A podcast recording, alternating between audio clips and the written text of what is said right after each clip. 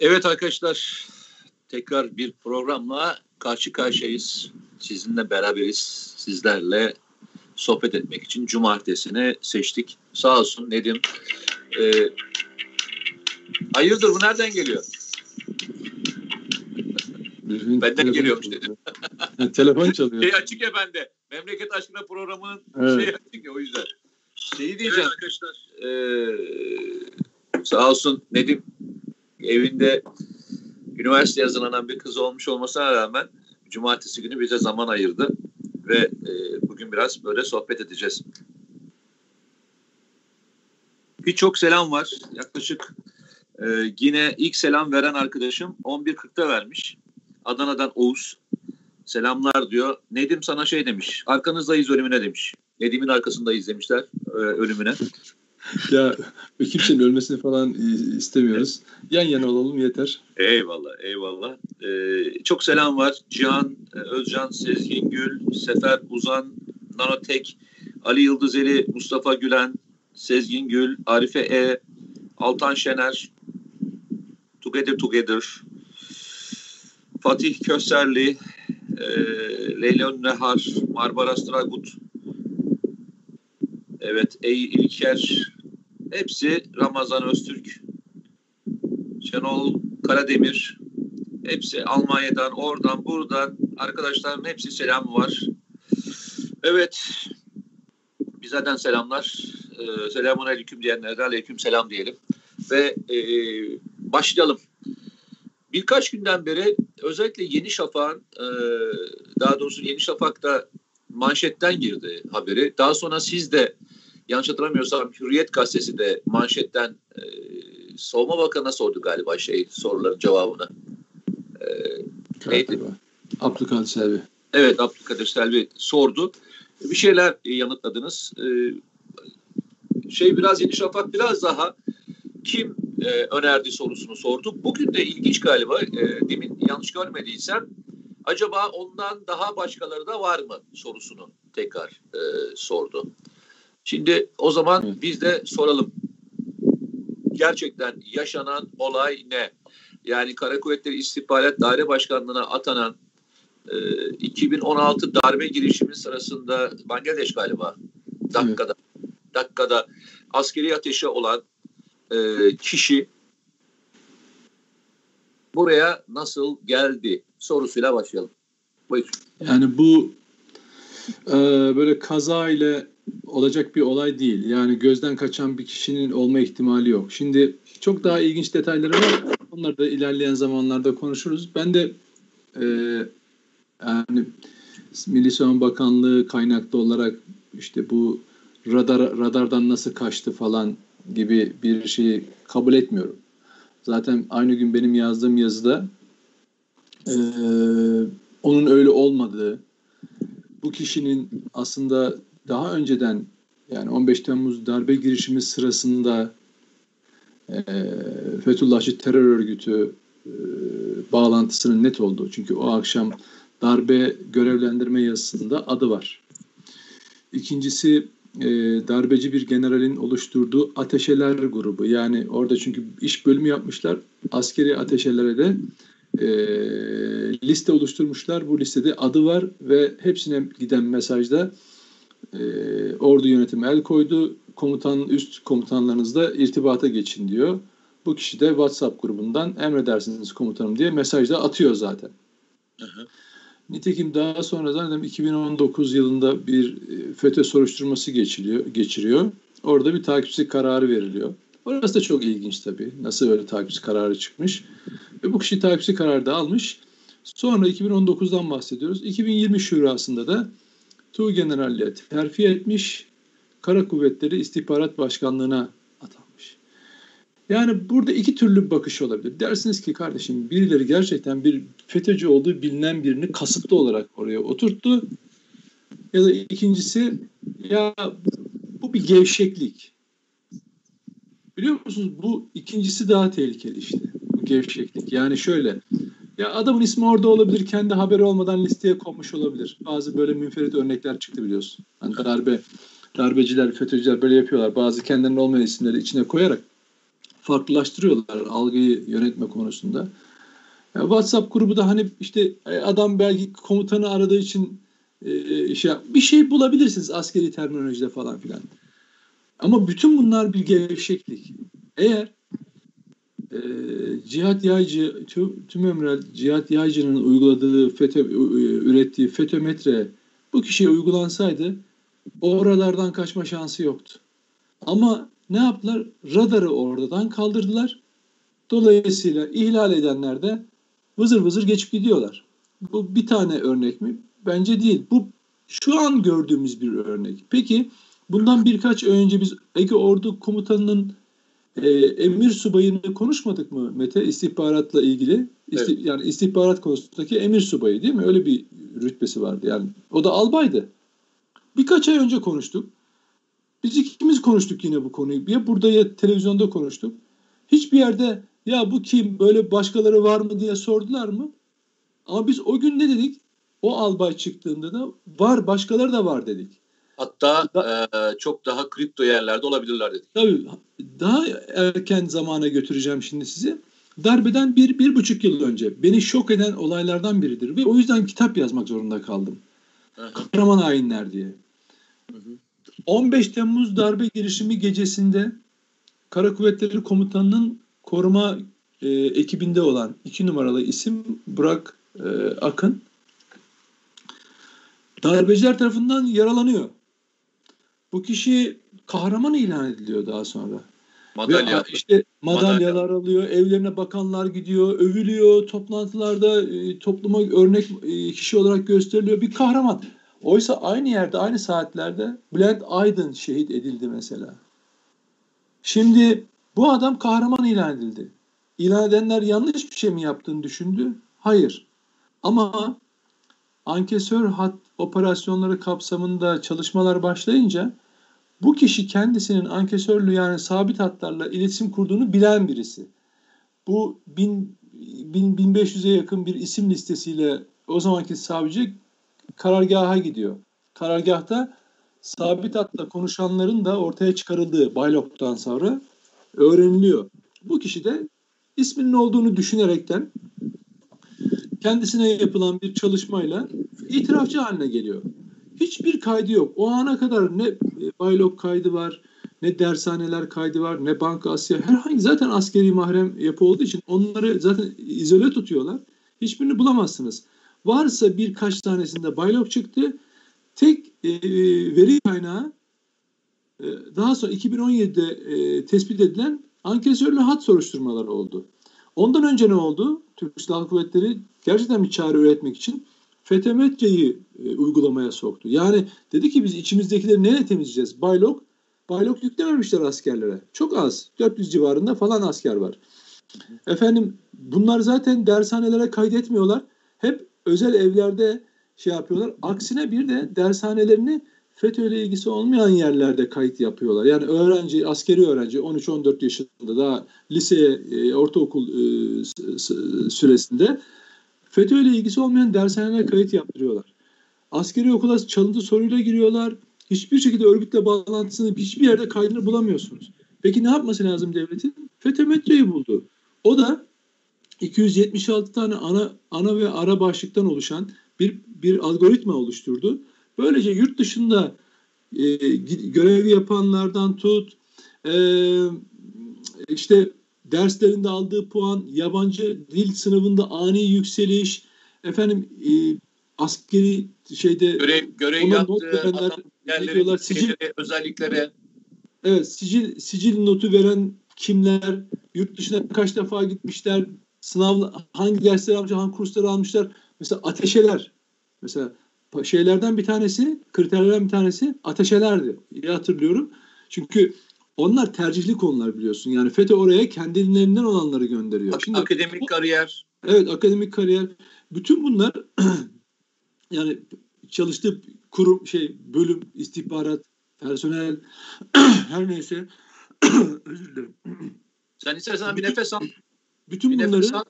bütün bunları bu paramet bu FETÖ'de tespit ediyordu. Şimdi bunu bu kalktı. Şimdi Burak Akın ankesör içinde kendisinin de olduğunu düşündüğü için itirafçı oldu. Ne zaman?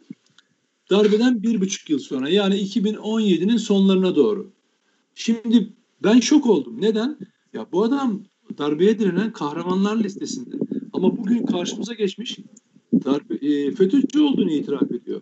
Ha o zaman bizim kahraman saydığımız başka hainler de olabilir diye oturup kitap yazdım ki anlaşılsın bu FETÖ'metreyi de içine koymuştum. Şimdi Burak Akın'ı hatırlatmak için yani bilinen örneklerden bir tanesi olsun söylüyorum. Daha bundan birkaç ay önce Ağustos ya da yaz aylarında Ege Ordu Komutanı'nın yaveri çıktı. Şimdi geldik Serdar Atasoy'a. Kara Kuvvetleri İstihbarat Başkanı'na. Biz her seferinde şöyle yapıyoruz. Acaba başkaları da var mı? Bir, evet bir, var bir nefes alsana. Bir bak, nefes Bak söyleyeyim cümle. Evet var. 15 Temmuz darbe girişimine 5600 Sen biliyor musun ben dedim? Bir, bir, bir tek söyleyeceğim. Bir, şu cümlemi tamamlıyorum. Tamam. 15 Temmuz darbe girişimine 5600 kişi katıldı. O bu ankesörle hat sayesinde ki bu Serhat Atasoy'un da ortaya çıkardığı e, yöntemle 22 bin tane FETÖ'cü ortaya çıktı. Size söylüyorum bir bu kadar daha var. Hadi bakalım ne yapacağız? Bir daha söyle. 15 Temmuz darbe, sanki. Ne söyledin? 15, 15 Temmuz darbe girişimine deniyor ya daha başkaları da var mı? Soru bu. Evet. Evet. 15 Temmuz darbe girişimine 5600 kişi katıldı. Evet. Rütbeli. Evet. Rütbesizlerle 8800 civarında. 5600 kişi katıldı. Bunların dışında, bunların haricinde sadece sabit hat operasyonları yani Serdar Atasoy'un da ortaya çıkarıldığı sabit hat operasyonlarla tam 22 bin tane FETÖ'cü tespit edildi ve bunların hepsi görevden uzaklaştırıldı. 22 bin. Okay. Ben de diyorum ki şu an devletin elindeki veri havuzunda bir bu kadar isim daha var. Hadi bakalım. Bunlar asker mi? Evet TSK mensubundan bahsediyorum. Peki. O zaman şöyle gidelim. Hatırlıyor musun? Seninle beraber burada e, konuştuğumuz sırada ben bir e, olay anlatmıştım. Demiştim ki e, bu tür olaylarda en önemli şeylerden bir tanesi kimin de kefil olduğuna bakmak lazım demiştim. Hatırlıyor musun? Evet geçen programda söylemiştim. Hatırlarsın. Kefalet sisteminden bahsettim. Yeni Şafak da aynı şeyi söylemiş. Kim kefil oldu? Yani kim onu şeye getirdi? Yani oraya getirdi. Bence bu süreçlerin analizinde e, şey kadar önemli biliyor musun? Ne derler ona? E, ankesörlü te- telefonla aramaları e, bilgisi kadar, e, FETÖ kadar bence önemli. Kefalet de önemli. Çünkü Zaten e, sicil e, ha, o kefalet belli, belki her yerde uygulanmıyor olabilir. Yok yok Ama, hayır o anda söylemiyorum. Sonuçta sen yüksek askeri şurada ha, yüksek e, askeri şurada evet. Askeri şurada general yapmıyor musun arkadaş? Yani sonuçta tabii. evet diyor o general olsun diyor yani. Orada da var mı kefile, kefalet sistemi? Hayır kefalet yok ama orada da e, referans olan şey yaptığı belli. Şimdi evet. şöyle bir şey var. Artık hükümetin şu konuda e, bir şey söz söyleme hakkı yok. Çünkü şu andaki çoğunluk siviller de biliyorsun. Evet. Eskiden Yüksek Askeri Şura'da asker çoğunluklu bir ağırlık vardı. Bugün ise kim var? Sivil ağırlıklı bir e, evet. yer var. Peki o zaman sormak lazım. Yani şöyle bir artık e, hükümetin şunu söyleme şansı yok. Bizim kontrolümüz dışında orada generaller terfi ettiler. Böyle ama şöyle söyleyeyim. Sistem sayısal olarak öyle ama niteliksel olarak öyle değil. Neden? Siviller var ama dosyaları hazırlayanlar askerler. Bak şimdi şimdi bak e, peki ben o zaman şöyle söyleyeyim. Milli İstihbarat Teşkilatı kimin elinde? Yani Cumhurbaşkanına bağlı. bağlı. Cumhurbaşkanına bağlı. Genelkurmay Başkanı kime bağlı? Milli Savunma Bakanı. Milli Savunma Bakanı, hayır. Milli Savunma Bakanı kime bağlı? Ee, Cumhurbaşkanı. Cumhurbaşkanına bağlı. Sonuçta sistemden sorumlu olan kim? Cumhurbaşkanlığı sistemi. Şimdi bu kadar hakimiyetin olduğu bir yerde ve darbeden daha yeni çıkmışken sence şunu soruyu sence sana şu soruyu sorayım. Böyle bu kadar çok soruşturma geçirmiş. Bak bu kadar çok soruşturma geçirmiş. Bir kişinin general olması doğru mudur? Evet. Şunu söyleyebilirsin. Ben şunu söyleyemem mesela bu adam FETÖ'cüdür diyemem şey için. Yani hani adam aklanmıştır, aklanmıştır. Sorun yok yani. Hiç sorun yok. Ben bunu söyleyemeyebilirsin. Diyebilirsin ki ya bu adam FETÖ'cü müdür değil midir? Ama soru işareti koyduğun, bu kadar büyük bir soru işareti koyduğun kişiyi e, atamasını yapar mısın? Hadi atamasını yaptın. Hadi bunu da yaptın. Kara Kuvvetleri İstihbarat Daire Başkanı yapar mısın? Evet. Yani şimdi benim söylediğim şey şu. Bakın çok daha ufak nedenlerle insanlar general yapılmadı bu ülkede. Hatırlıyor musun? Ben sana nelerden dolayı yapılmadığını söyleyeyim mi? Oğlu bir Twitter'da bir şey yazmış. Vay vay efendim e, sosyal medyada bir şey paylaşmış. Geçmişinde e, işte ne diyeyim eşiyle ilgili sorunlar yaşamış. Yani o kadar çok kriter var ki orada bir general olup olamayacağınla ilgili o kadar çok e, olay var ki. Şimdi hatta bak bir şey daha söyleyeyim. Mahkeme süreçleri olanlar şeye getirilmez çoğunlukla. Ee, yaş sürecine getirilmez. Mahkemesi devam edenler. Hatırlıyor musun? Bu Ergenekon ve Balyoz süreci içerisinde e, birçok kişi davası olduğu için yaşa sokulmamış hatırlıyor musun? Evet tabii tabii. Peki ben de soru soruyorum. Yani 15 Temmuz gibi büyük bir kriter varken arkasından iki defa ki gözaltına alıyorsun, bırakıyorsun. Arkasından tekrar soruşturma geçiriyorsun. Ya yani bir sürü şey var. Yani bütün projektörler şeyde üzerinde değil mi? Hı. Abi o zaman şu soruyu bence Yeni Şafak'ın sorduğu soru çok doğru. Sizin sorduğunuz soru da çok doğru. Hürriyet gazetesinin de. Hatta Türkiye'de bu olayı takip eden yazarların tamamı bu soruyu sordu. Aytuç sordu. E, eski e, askeri savcımız sordu. E, hakimimiz sordu. E, Ardan abiler sordu. Sordu da sordu. Yani benim şu ana kadar gördüğüm neredeyse bütün e, bu olayları takip edenlerin sorduğu soru şu.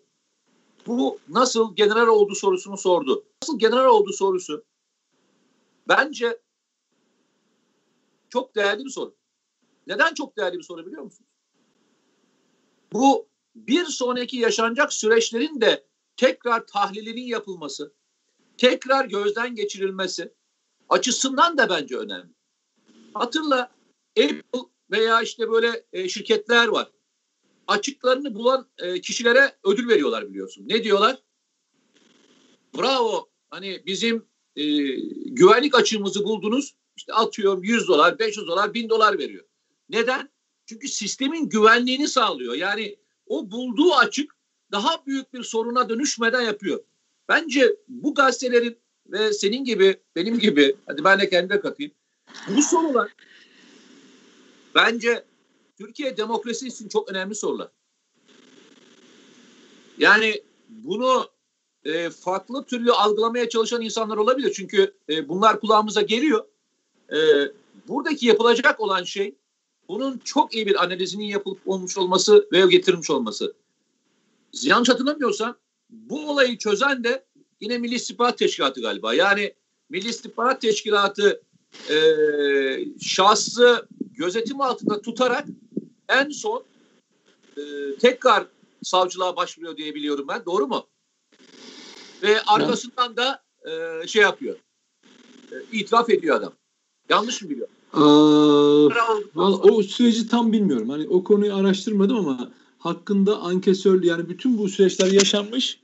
Görev şöyle olabilir. Göreve başlatılmıyor. Göreve başlatılmaması konusunda e, MIT'in e, müdahil olduğu söylenebilir. Çünkü soruşturma ve bu gözaltı kararı daha sonra yani Şubat'ta gerçekleşiyor. Oysa Ağustos'ta atılması yapıldıktan sonra göreve başlaması lazım ama göreve başlatmıyor sistem onu. Çünkü muhtemelen MIT'in bu konudaki şeyi var, tespitleri var. Yani ya da kaygısı var veya şerhi var. Ee, Cumhurbaşkanlığı da muhtemelen ya da komutanlıklar işte bakanlıklar bunu dikkat almıştır. Ama dediğin gibi yani eğer orada MIT'in dahil şeyi varsa, müdahalesi varsa ya koskoca bir askeri sistem, siyasi sistem böyle bir adamı Kara Kuvvetleri Komutanı'nın başına e, e, istihbaratın başına getiriyor. Ne demek Kara Kuvvetleri Komutanlığı'nın başında istip, yani istihbaratın başında? Yani sizin yapacağınız tüm askeri operasyonlar düşmanın eline geçmesi demek. Korkunç olan bu. Ve ben ifadesini okudum. Hayır, hani bir şey daha öyle... var. Kara Kuvvetleri İstihbarat Dairesi'nin bir özelliği de şu. yanlış anlama diye söylüyorum. FETÖ'cü operasyonlarının bütün bilgilerinin geldiği yer neresi biliyor musun? Karacılar yönünden evet. Yani evet. kara kuvvetleriyle evet. ilgili yapılan kişi bazlı bütün çalışmaların evet. geldiği yer Kara Kuvvetleri İstihbarat evet. Dairesi. Ya ben ondan geçtim ya. Yani ben ben FETÖ'yle mücadeleden falan geçtim. Sahada zavallı e, çocuklarımız savaşıyorlar düşmana karşı, teröriste karşı. Onların bilgileri sızacak ya. Yani ben ona yanarım. Yani geçtim artık FETÖ'yü falan. Yani bu, bu mücadeleyi böyle gevşek gevşek yapacaklar da bir yere varacak. Ben inan ki hani bir FETÖ'cü kara kuvvetleri istihbarat değil de atıyorum personele de geçebilir. Bilmeyen ne yapabilir? Mesele şudur.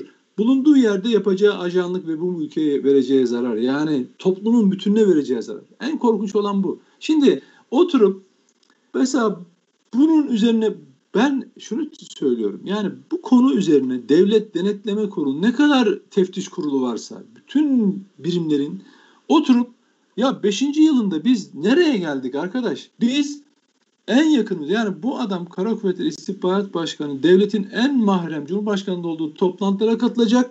Sizi de bilgiler de verecek gerektiğinde ve yönlendirecek ve binlerce insanın bu ülkenin canıyla e, oynayacak. Ve bu buna ben nasıl geçit verdim? Bak ben yazımda dedim ki bu terfide ve bu görevlendirmede dahli olanların tamamının FETÖ kaydının olup olmadığı, FETÖ iltisakının olup olmadığını araştırması lazım. Bak ben olsam Milli Savunma Bakanı yerine bu dosyayı benim önüme getirip ben de bunu oraya e, yüksek askeri şuraya sun, sunmuşsam benim alt kadromda yani bu Milli Savunma Bakanlığı içinde kim ki bunları benim önüme getirmiş tamamının tamamını FETÖ geçiririm bir kere. Yani FETÖ uygularım. Siz bakalım bu, bu dosyayı nasıl hazırladınız da benim önüme koydunuz? Nasıl yaptınız bunu? Bana bu hatayı nasıl yaptırdınız? Kendim de bir siyasi bedelini öderim. Ama önce onlara bunun hesabını sorarım. Var mı böyle bir şey? Tek bir ses duyuyor musun Mete? Hiç sıfır. Toplumu FETÖ'yle karşı karşıya bıraktılar. Bak FETÖ bıraktılar. İnsanlar anlamaya çalışıyor. İyi, toplumun Erdoğan'dan Erdoğan'ın bu konudaki mücadele düşüncesinden e, vazgeçtiğini zannetmiyorum. Toplum zaten onu o konuda destekliyor. Ama sistemi öyle bir ele geçirmişler ki, bakanlıkları öyle bir ele geçirmişler ki soru şu, başkaları var mı? Öyleleri var ki, öyleleri biliniyor ki tekrar bir daha soruşturma yapsınlar bakalım kaç tane e, üst düzeyde, alt düzeyde adam kalacak bir baksınlar bakalım yani. Yazıktır bu millete. Ama mesele şu. Mesela FETÖ bulan, yapan, uygulayan ve sonuçlar alan ve %99'a yakında e, olumlu şey veren, e, teyitli sonuçlar veren Cihat Yaycı nasıl istifa ettirdiler? Nasıl iftiralarla? O bakanlığın içinde nasıl bir kumpaslar kurdular? Hiç insanlar gözün önünde yaşandı bunlar ya. Toplumun gözün önünde yaşandı. Metin Temeller, Zekaya Aksakallılar nasıl harcandıysa darbe edilen askerler böyle teker teker o yüksek askeri şurada terfi ettirilmeyerek küstürülme yöntemiyle veyahut da emekli edilerek nasıl saf dışı edildiyse bugün götürüp yüksek askeri şurada FETÖ'cü Kara Kuvvetleri Komutanlığı istihbarat başkanlığı yapanlar Tuğ General terfi edenler aynı isimler kardeşim. O kadrolarda hiç değişiklik olmadı. O, o kadrolar basında etkililer. Basın üzerinde etkililer.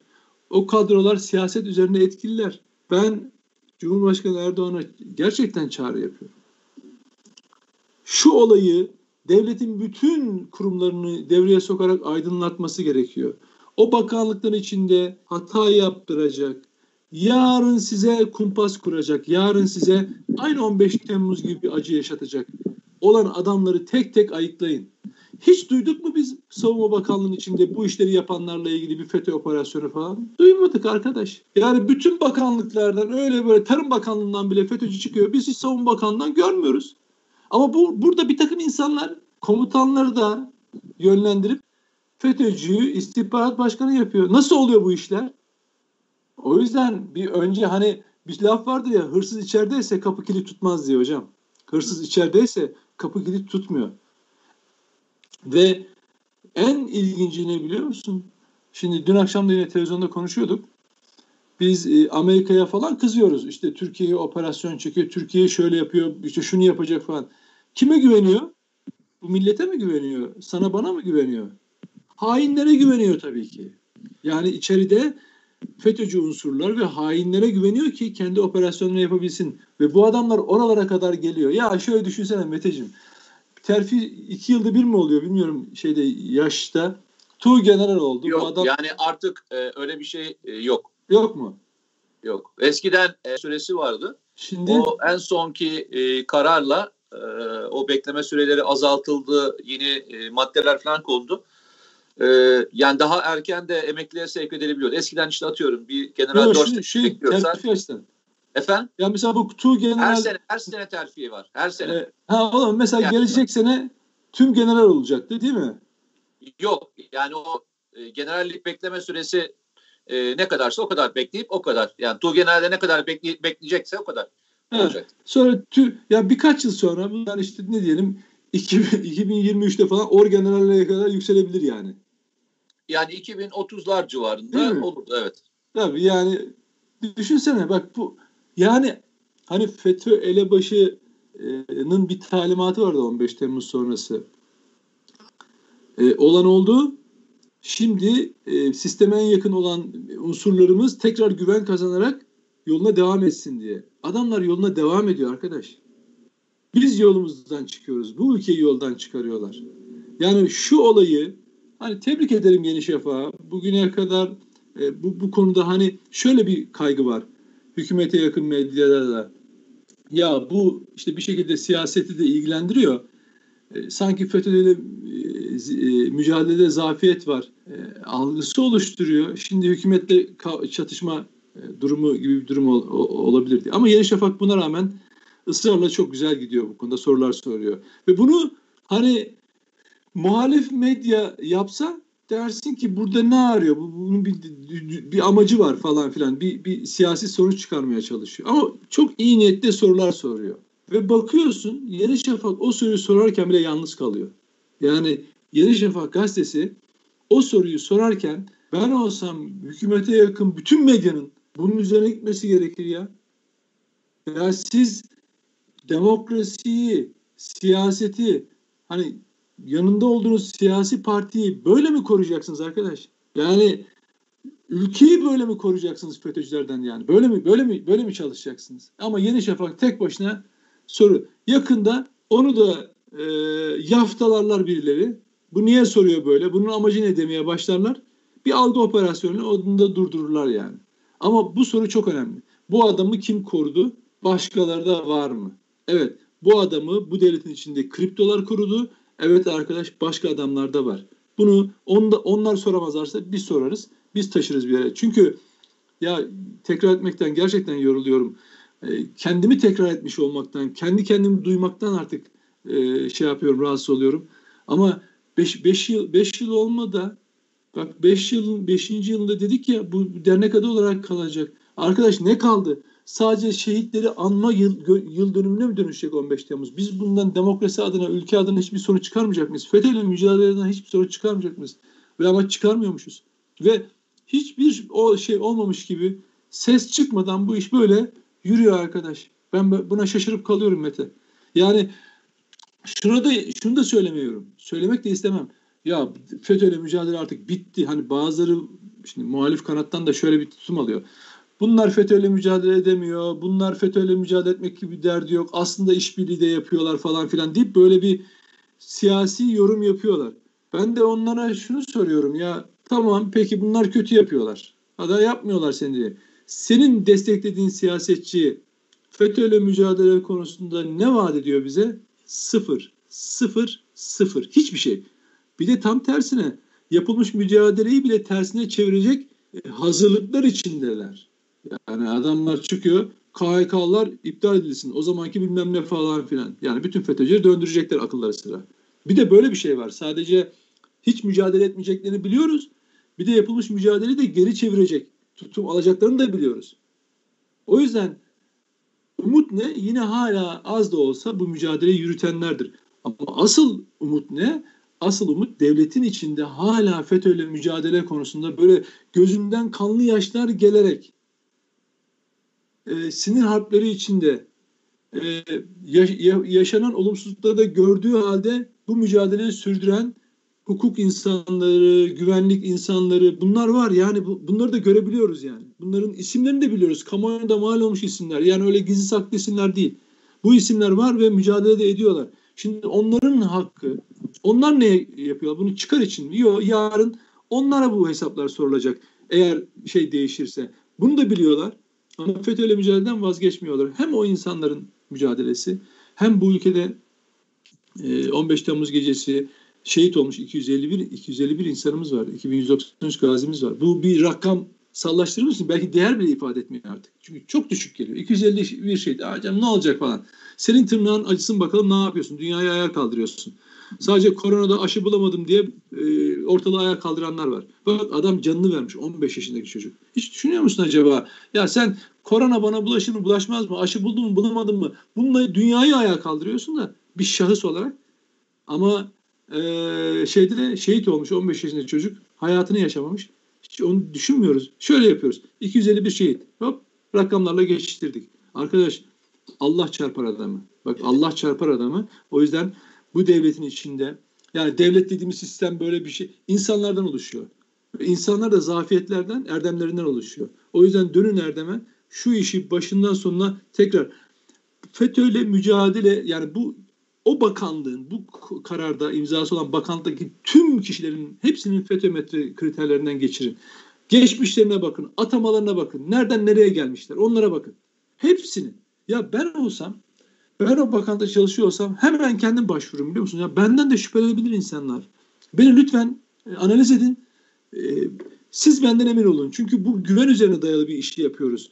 Lütfen beni kontrol edin derim tamam mı? Bunda kaçacak bir şey yok. Kendine emin olan insan böyle davranır. Ama öyle olmuyor. Adamlar ayakta günler Yeni Şafak soruyor, bizler soruyoruz falan. Hiçbir ses çıkmıyor. Oturup bir gazeteciye bir, bir iki tane şey radardan nasıl kaçtı? Radardan falan kaçmadı. Radarı çaldılar arkadaş. Radardan falan kaçmadı. Radar, radar olmayınca herkes istediği ihlal, kural ihlalini, ihlalini yapabiliyor. Bu şöyle bir hata değil ki Mete. Senin benim birini bir yere getirmemiz veyahut da biz, bizim bir yere gelmemizle ilgili değil. Ya şöyle düşünün. Kara Kuvvetleri İstihbarat Başkanı. Ya bak bu adam Bosna Hersek'te çalışmış.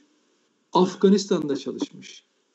Harp akademilerinde öğretmenlik yapmış. Hep kritik yerlerde görev yapmış tamam mı? Ya, bir de ben sorgusunu, sorgusunu okuyorum. Sorgusunu okuyorum.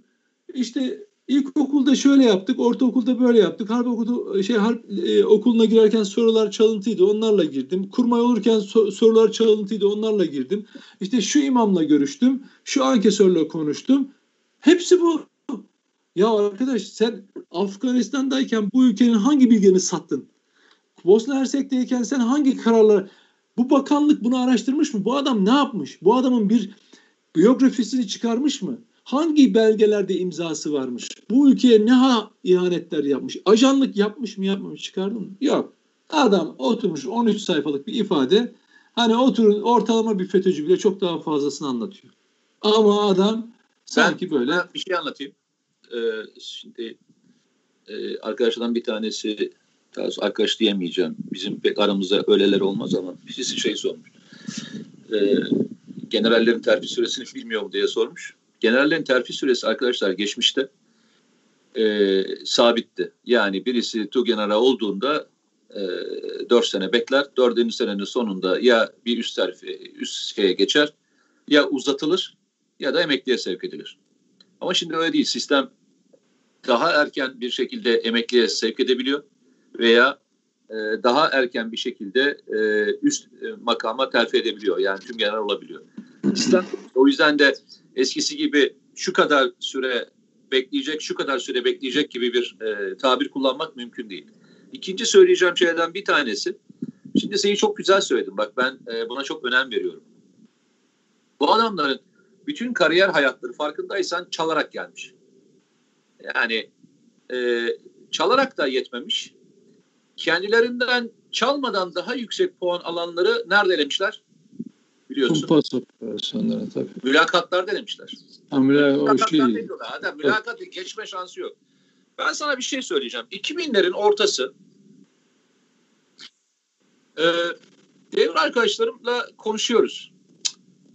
İşte onların da çocukları o zaman işte Kuleli Asker Lisesi'ne ve diğerlerine girme yaşları. E, ya diyorlar ki hepsi ya çocuklarımız askeri liseyi kazanıyor. Yani haklarıyla kazanıyorlar. Ki askeri liseyi kazanmak çok zordur. Puan olarak yüksek puanlıdır. Asker çocukları e, yani subay çocuklar, az subay çocuklar şeyi geçemiyorlar. E, ne derler? Mülakatı geçemiyorlar biliyor musun? Evet. Yani mülakatı geçememelerinin şeyi yok. Yani öyle eften püften sebeplerle ediyorlar ki. Yani şimdi düşün.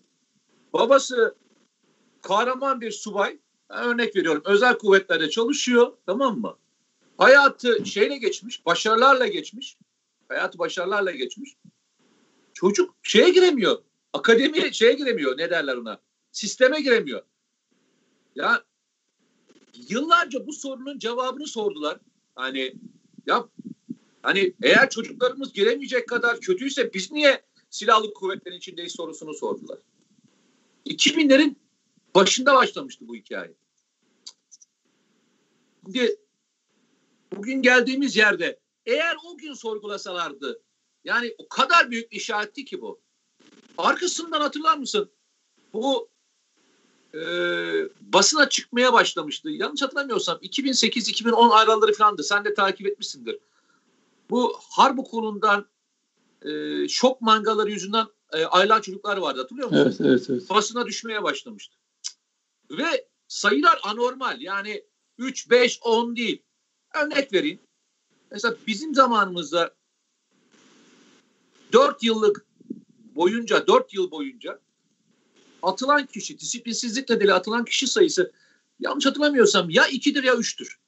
O da şundandır. Yani atmak için uğraşmaz silahlı kuvvetler. Kazanmak için uğraşır. Çünkü emek vermiştir. Ee, ama kendisi derse ki ben ayrılacağım arkadaş beni atın diye uğraşıyorsa da tutmazlar. Diyorum ya sana yani bin kişiyiz iki veya üç kişidir. Hiç kimsenin dikkatini çekmedim be kardeşim. Ya yüzlerce kişi disiplinsiz sebebiyle atılıyor kardeşim. Bak bütün işaretleri görmezden gelirsen yani sarı ışıkta önce geçip sonra kırmızı ışıkta geçersen iki dakika sonra ileride bir tane kamyon sana çarpar. Bak bunların her biri sarı ışık ve kırmızı ışık. O sarı ışıklara ve kırmızı ışıklara bakılmadığı için Türkiye 15 Temmuz'u yaşadı. Hangi yıldan başlıyor?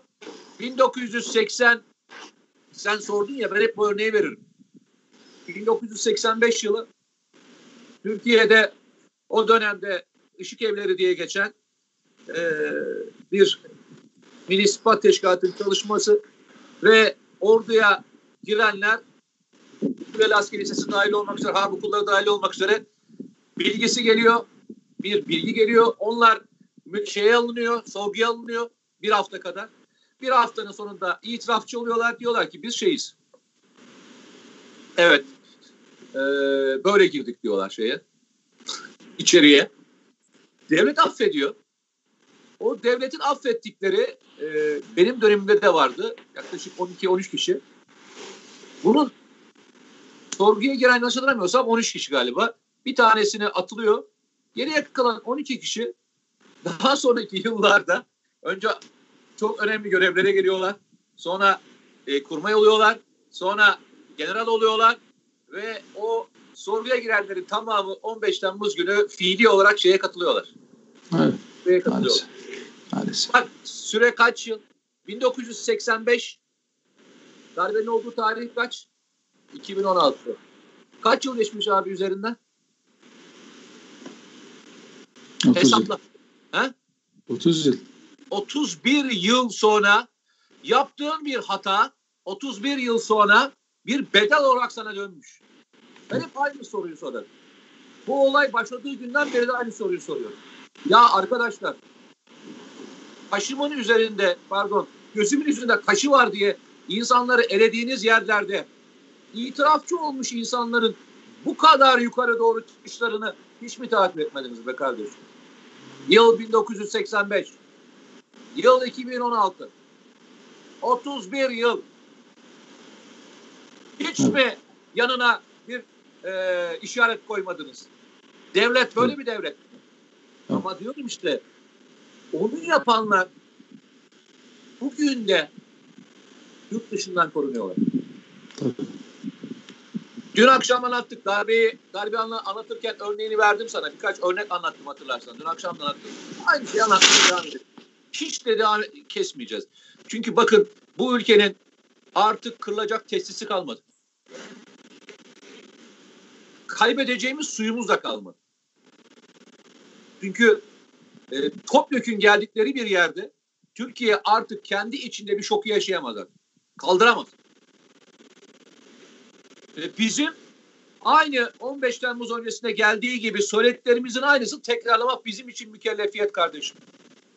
Ben vatansever diye adımı koyacaksam ben söylemek zorundayım kardeşim. Ben yurtseverim diyeceksem söyleyeceğim kardeşim. Başka hiçbir şansımız yok. Eğer susarsak Türkiye bir 15 Temmuz'un bir tanesini daha yaşar. Darbe türü yaşamaz başka türlüsünü yaşar. Tabii. Sen niye İlginç olan ne? uyarıyorsun? Ben niye uyarıyorum bir sürü işimiz gücümüz mü yok arkadaş bizim? Tabii. Tabii. İşimiz gücümüz mü yok bizim? Aynen. Şimdi, bizim böyle işimiz ne biliyor musun? O 251 tane vatan evladının boşa ölmediğini, evet. boşuna şehit olmadığını göstermek. Evet. Onların arkasında durabilmek.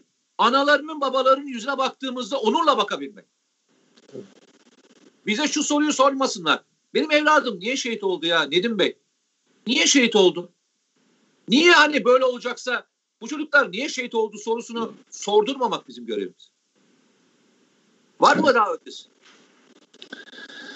Öyle, öyle maalesef. İnsanın morali bozuluyor. Şimdi son şeyle şey yapayım. Dikkat yani insanların FETÖ'ye karşı, FETÖ'cülere karşı e, nasıl durması gerektiği konusunda bu örnek üzerinden bir anlatacağım bir şeyi. Şimdi adam bakın e, her şeyi itiraf ettiği ifadesinde soruları çalarak girdiğini, Fethullah Gülen'in kendisine rütbe taktığını, kurmay olurken soruların çalıntı olduğunu, bütün süreci anlatıyor. 2017'de yine hakkında soruşturmadan bahsediyoruz. Darbe girişimi sırasında isminin listelerde olmasından bahsediyor. Bunların hepsi tespitli. Hiçbir şey, şey eksiklik yok. Buna rağmen bu kişi terfi ettiriliyor tamam. Bak ilginç olan şu ya adamda nasıl bir eğitim, psikolojik eğitim almışlar bunlar FETÖ içinde. Hiç renk vermez mi arkadaş? Her şey ortaya çıkmış. Her şey ortaya çıkmış. Darbe gecesi e, ona verilen rol ankesör kapsamındaki bilgiler açığa çıkmış. Ama adam 2016'dan itibaren hiç renk vermiyor. Geliyor o sırada da Malatya'da ikinci e, orduda önce üçüncü orduya atanıyor. Oradan ikinci orduya atanıyor. Harekat başkanlığı yapıyor ya. Hocam düşünebiliyor musun? Harekat başkanlığı yapıyor Malatya'da ikinci orduda ya. Yapıyor bunu bir süre. Sonra 2020'ye kadar ve o, o sürede hiç renk vermez mi? Yani bir insan bir tedirgin olmaz mı? Ya beni bulurlar, benim bir ankesörüm var. Ya benim işte bir geçmişim var falan. Mesela emekliye ayrılmak gibi bir şey yapmaz mı mesela? Ya bu ordu içinde hakkı yendiği için çok basit durumlardan bile e, e, onur için emekli ayrılanlar var yani diyor ki tamam ben artık bulunmak istemiyorum hakkım yendi falan diyor. Böyle eğitiliyor insanlar. Bu nasıl bir insan? E, neydi? Cihat Yaycı. Cihat Yaycı. Nasıl bir insan doğasıdır ki, nasıl bir örgüt mankurt kafasıdır ki FETÖ'cü olduğu artık kendi zaten bunun içinde ya dışarıdan da görüldüğünü hissetmesine rağmen hiç renk vermeden arkadaş terfileri de alıyor. İstihbarat başkanlığına da terfi ediyor. Yani adam hiç renk vermiyor. Karşımızda böyle bir örgüt var. Yani karşımızda sizinle kıyasıya FETÖ konusunda görüş alışverişinde bulunur. FETÖ ile mücadele ediyormuş gibi konuşur.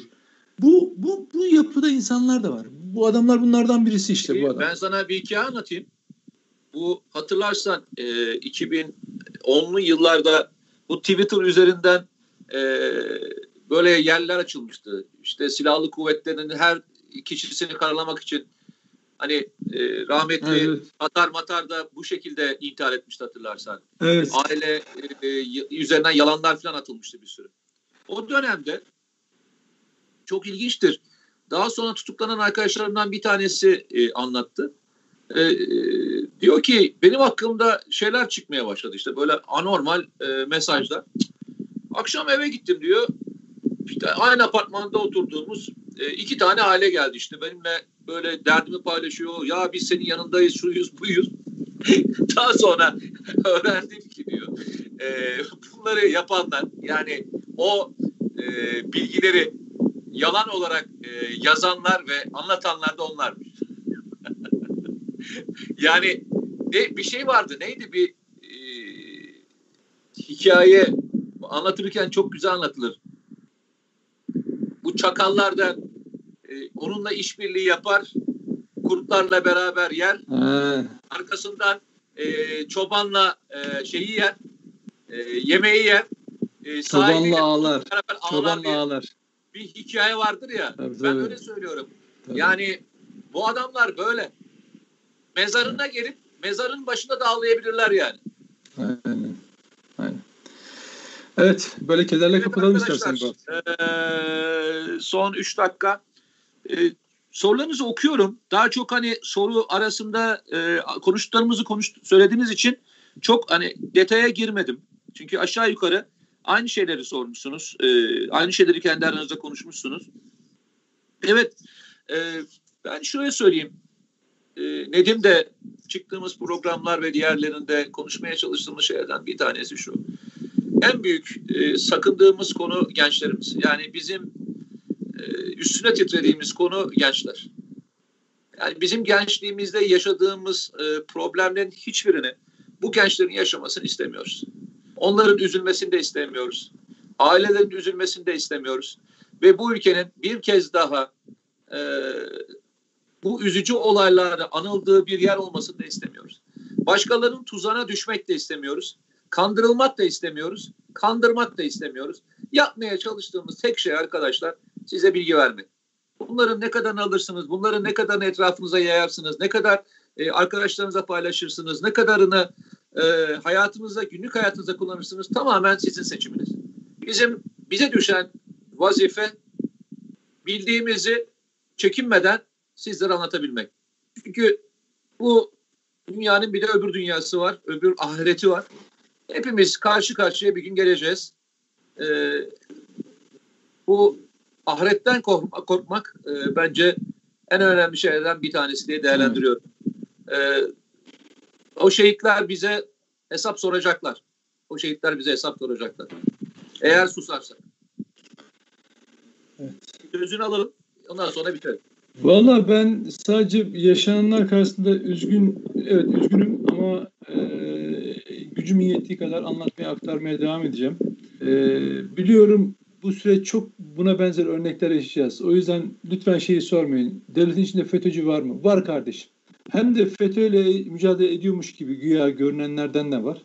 E, ve bu işlere yol açanlar da, da var. İşte bu generalin ataması. Bunun hesabını sormazsa Türkiye Cumhuriyeti, devleti, bunu yapanlardan. Bu böyle kolay bir şey değil. Böyle canım bir tane hata olmuş, radardan kaçmış falan. Öyle bir şey değil. Bu bu göz göre göre yani şöyle daha ne olsun? Şöyle olur bak. Hiç darbe bildirisinde adı olmaz. Darbe belgelerinde adı olmaz. WhatsApp gruplarında adı olmaz. E, efendim e, hiçbir ilişkisini göremezsin kağıt üzerinde. Ama sabit hat e, operasyonunda adı çıkmıştır. Ortaya çıkmıştır. Dersin ki Aa, bu kaçmış gözden ama yeni teknolojiyle bu sabit hat operasyonu ile bulundu. İşte ihraç ettik. 20 bin kişiden bahsetmemin nedeni o. Yani hiç adamın kaydı yok. FETÖ'yle ilişkisi yok. Abonelik yok. Hiçbir şey bu yok. Hiçbir kaydı yok. Ama sabit hat e, analizleri sırasında sivil imamlarla görüştüğü açığa çıkınca ihraç ediliyor. Bunda hiç beis yok. Ama darbe gecesi bile adamın kaydı var. Sonraki süreçte e, açılmış soruşturma var. Ve bunu terfi ettiriyorsun. Burada kasıt var arkadaş. Burada ihmal falan yok. Burada kasıt var. Bu ihmal, bu kastı yapanlar açığa çıkmadığı sürece ve ben size şunu söyleyeyim. Yeni Şafak gazetesinde e, bu haberi yapan arkadaşlar yönetmeni dahil olmak üzere bu süreçler bu süreçleri en iyi takip etmiş insanlar. FETÖ konusunda cihat yağcının başına gelenlerin neler yaşandığını en iyi bilen insanlar. Onlar konuştuğu zaman zaten çok şey açığa çıkacak yani. Bu iş öyle örtülecek bir iş değil hocam. Peki. Arkadaşlar e, kendinize iyi bakın. E, Cumartesi günü sabahleyin çok da güzel bir hava var bugün İstanbul'da. E, keyfini çıkartın. Ne kadar çıkartabilirsiniz. Sokağa çıkma yasağı var ama e, okumaya çalışın. Kitap okuyun. Bol miktarda okumaya çalışın. Lütfen aklınızı, fikrinizi kimseye emanet etmeyin. O e, önümüzdeki dönemde bu kuşağın bize en büyük faydası olacak. Gençler bizi çok daha iyi yerlere taşıyacaklar. Bir memleket aşkı programında çarşamba günü inşallah tekrar beraber olacağız. Bugün katılım çok güzeldi. Ee, sorularınıza çok güzel, sayısal anlamda da çok güzel bir rakam. Bize verdiğiniz destek için çok teşekkür ediyorum. Nedim abiniz size e, zaten gönderiyor şu anda. Teşekkür ediyorum. Kendinize iyi bakın. Allah'a emanet olun.